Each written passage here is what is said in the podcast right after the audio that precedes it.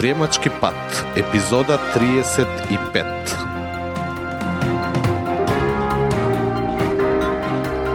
Здрав и голем поздрав до сите слушатели на Предприемачки пат.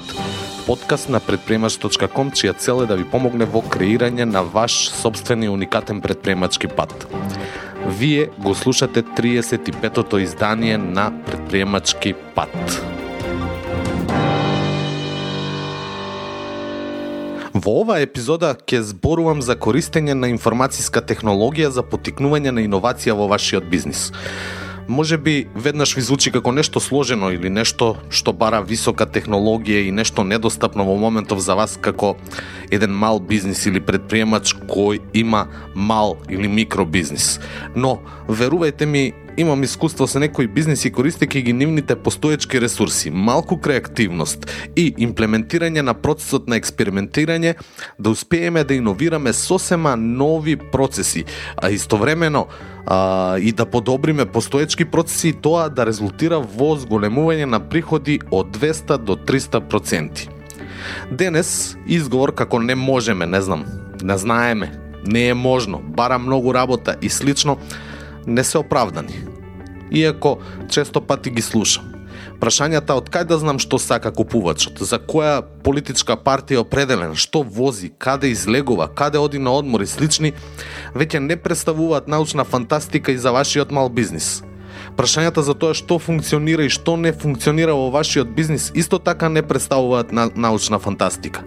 Иновирање не значи дека мора да имате нов производ или услуга Тоа постојано им го велам и на моите студенти и на моите клиенти. Иновирање значи да подобрите нечи живот без разлика дали е тоа на вашиот купувач, бидејќи се што ќе направите во вашиот бизнис ќе има влијание врз животот на вашиот купувач или пак на вашиот вработен кој е одговорен за активирање, управување, извршување или контролирање на самите процеси во вашата компанија често пати забележувам слабо користење на информатска технологија од страна на предприемачите и малите бизниси генерално иако нормално се поседува таква една технологија. Затоа и се одлучив за еден ваков наслов во една од овие епизоди на подкастот Предприемачки пат. Да се користи информацијската технологија во бизнис цели не е само пишување на документи, не знам, маркетинг на Facebook или Twitter како испраќање на и примање на електронска пошта она што се прави со информацијската технологија. Постојат и многу други начини на користење на оваа технологија, со што директно ќе можете да влијаете на иновативно работење на вашата компанија. Например, не знам, можете да ја користите информатска технологија за да ги мерите промотивните активности и потоа врз основа на тие податоци да направите анализа за да видите што функционира, а што не функционира. Што да промените, а што треба да подобрите, што целосно да отфрлите. Што понатаму со секој од тие а, промотивни кампањи. На предприемач има пишувано доста на оваа тема, но можете да тестирате, да кажеме, која брошура носи повеќе резултати, која попусна картичка носи повеќе купувачи или пак, не знам, која електронска порака доведува до најмногу купувачи. Или пак кој купувач е позадоволен? Дали оној на кој ќе му дадете 10% попуст или пак оној на кој ќе му дадете подарок во вид на производ или услуга како монтажа, испорака или бесплатно одржување на определен во, не знам да кажем, определен временски период, месец, два, три или година дена. Исто така, можете да ги мерите и перформансите на вашиот снабдувачки синџир. И повторно, значи повторно да ги користите тие информации за подобрување на некои процеси во самиот синџир на снабдување, преговарање со снабдувачите, намалување на трошоците и така натаму. Например, мерење и евидентирање на различни времиња во процесот на нарачки ќе ви ги покаже различните варијации и најдолгите времиња на елементите на процесот.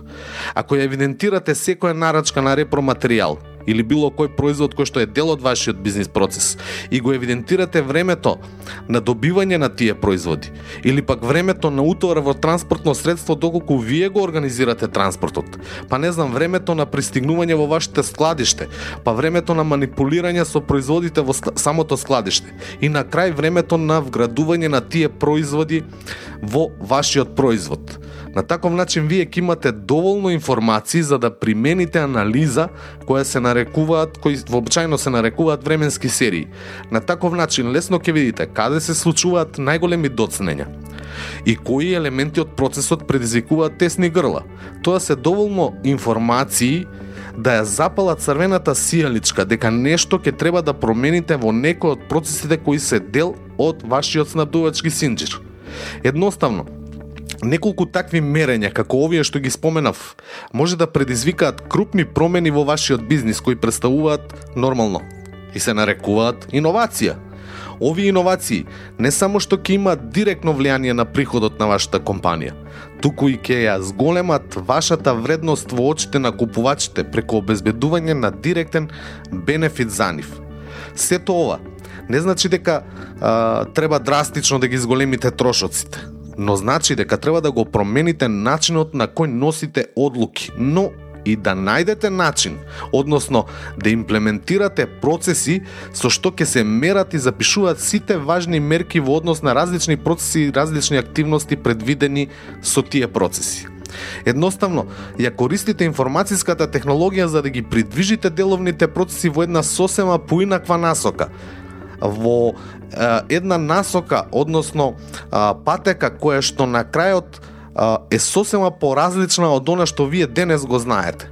Но ќе донесе поголема продуктивност, поголема ефикасност и нормално со сето тоа и поголеми приходи за вашиот бизнис и поголема профитабилност, но и поголемо задоволство од страна на купувачите.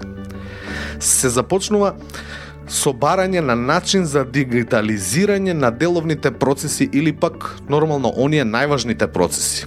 За почеток не значи дека треба да набавите комплексни и скапи системи, но значи дека ќе треба да најдете начин како да се евидентираат постоечките активности. Може би ќе користите Excel, или пак уште подобро Google Drive и нивниот софтвер за табеларна обработка каде ќе ги евидентирате сите тие податоци.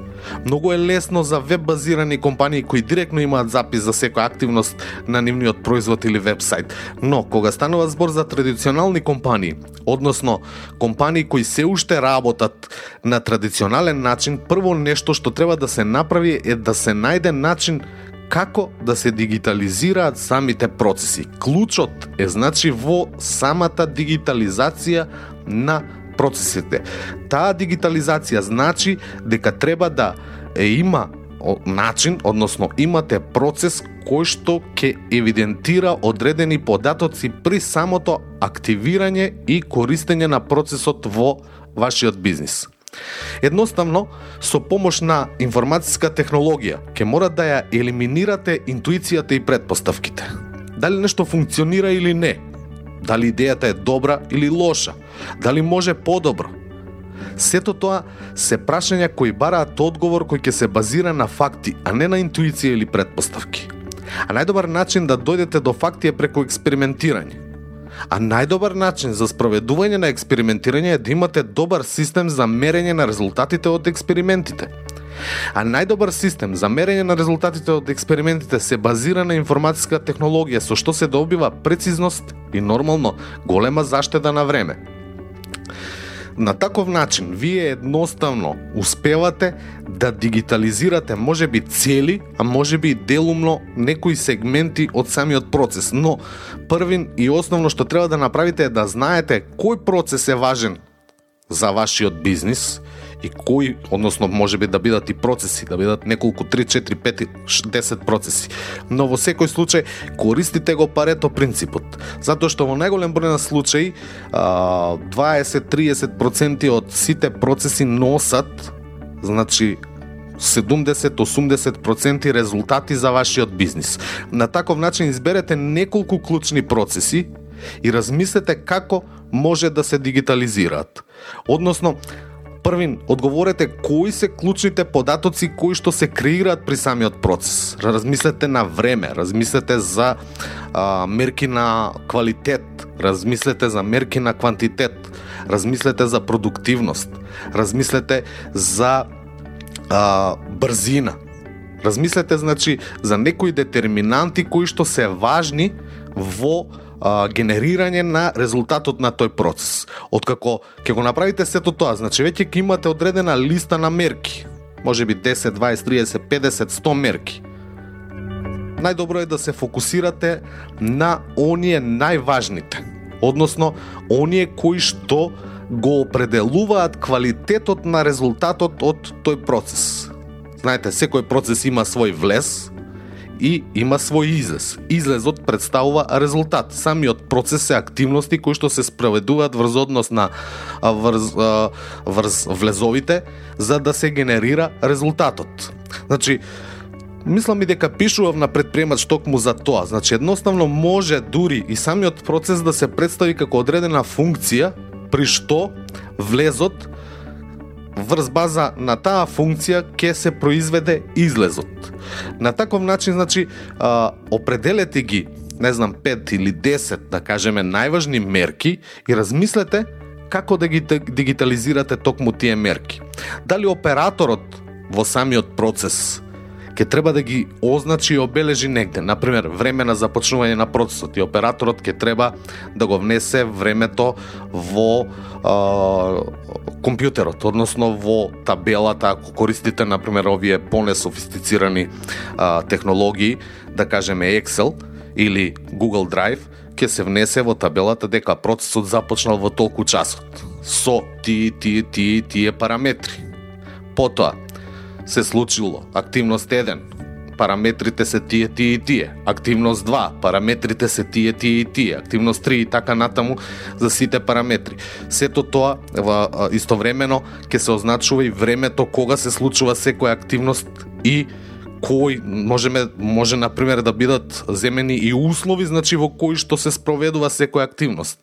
На пример температурата ако зборуваме за некоја техничка опрема за спроведување на тој процес. Колкава е температурата, дали врне или не врне, не знам, а, дали е сончево или облачно време, не знам колкава е влажноста. Значи тоа се сето, сето тоа се некои елементи кои може да имаат некое влијание врз самите активности кои што се дел од процесот и кои што се спроведуваат во процесот. Значи сето тоа се информации или податоци кои што треба на некој начин електронски да се бележат и да бидат спремни за да може да се користат за анализа. Значи, а, таа анализа на крајот ќе треба да ни каже што се случува при различните спроведувања на процеси. Дали има врска помеѓу време на започнување на процесот и резултатот, помеѓу условите во кои што се спроведува некоја активност и самиот резултат. Барајќи ги тие врски, ќе научите многу работи за вашиот процес и ќе научите што треба да се промени, што треба да се подобри, што треба да се иновира. А тоа е иновација. Значи на таков начин со користење на информатска технологија вие иновирате. За крај сега да заклучиме неколку работи кои што би сакал да ги дадам во вид на препораки. Например, како прво, денес едноставно секој податок ви е потребен и треба да го имате во електронска форма запишано за да може да биде дел од понатамошните анализи без разлика дали станува збор за текст или бројка вие секој податок треба да го имате запишано некаде електронски. Од друга страна, новите технологии ви дозволуваат да имплементирате трошочно ефикасен систем за тие записи, но и поедноставено следење и анализа на истите. Второ, математиката станува поважна од било кога – Значи не дека оваа научна дисциплина не била важна порано, но денес станува уште поважна затоа што наистина имаме на располагање огромна количина на податоци. Не би било добро да не ги искористиме и анализираме со проверени математички техники за анализа на податоците. И трето, не губете време. Уште денес, послушањето на ова епизода од Предпримачки пат, изберете еден процес кој е важен за вашиот бизнис и кој може лесно да го дигитализирате без некои дополнителни трошоци или премногу дополнителни чекори. Едноставно започнете со запишување на податоците. По една недела започнете да се играте со нив, анализирајте ги, подредувајте ги, правете различни графици, ќе забележите на вистина многу факти кои ќе го променат начинот на вашето размислување за тој процес, но нормално и самото практицирање на процесот. И како четврто и последно, експериментирајте. Не стравувајте од експериментирање и она што тие експерименти ќе ви покажат. Дури и резултатите да се навистина лоши, вие нешто ќе научите. А ново научено нешто е основа за промени. А тоа е иновација. На таков начин, постојано ќе иновирате не само за зголемување на приход и профитабилност, туку и за испорака на поголемо задоволство на купувачите. Ако успеете да испорачате поголемо задоволство на купувачите, лесно ќе можете и да го зголемувате вашиот пазар, да не ве ограничуваат географски региони. И секако, За крај само да подсетам дека доколку имате прашања кои може да бидат предмет за следната тема на предприемачки пат, можете да оставите гласовна порака на предприемач.ком подкаст цртичка прашања. Исто така би бил благодарен доколку го оцените овој подкаст на iTunes, така ќе помогнете истиот да биде видлив за други луѓе, доколку веќе сте го сториле тоа на вистина ви благодарам. И се до следната епизода. Запомнете, вие сте креатор на вашиот предприемачки пат, се е во ваши раце. Голем поздрав и до слушање.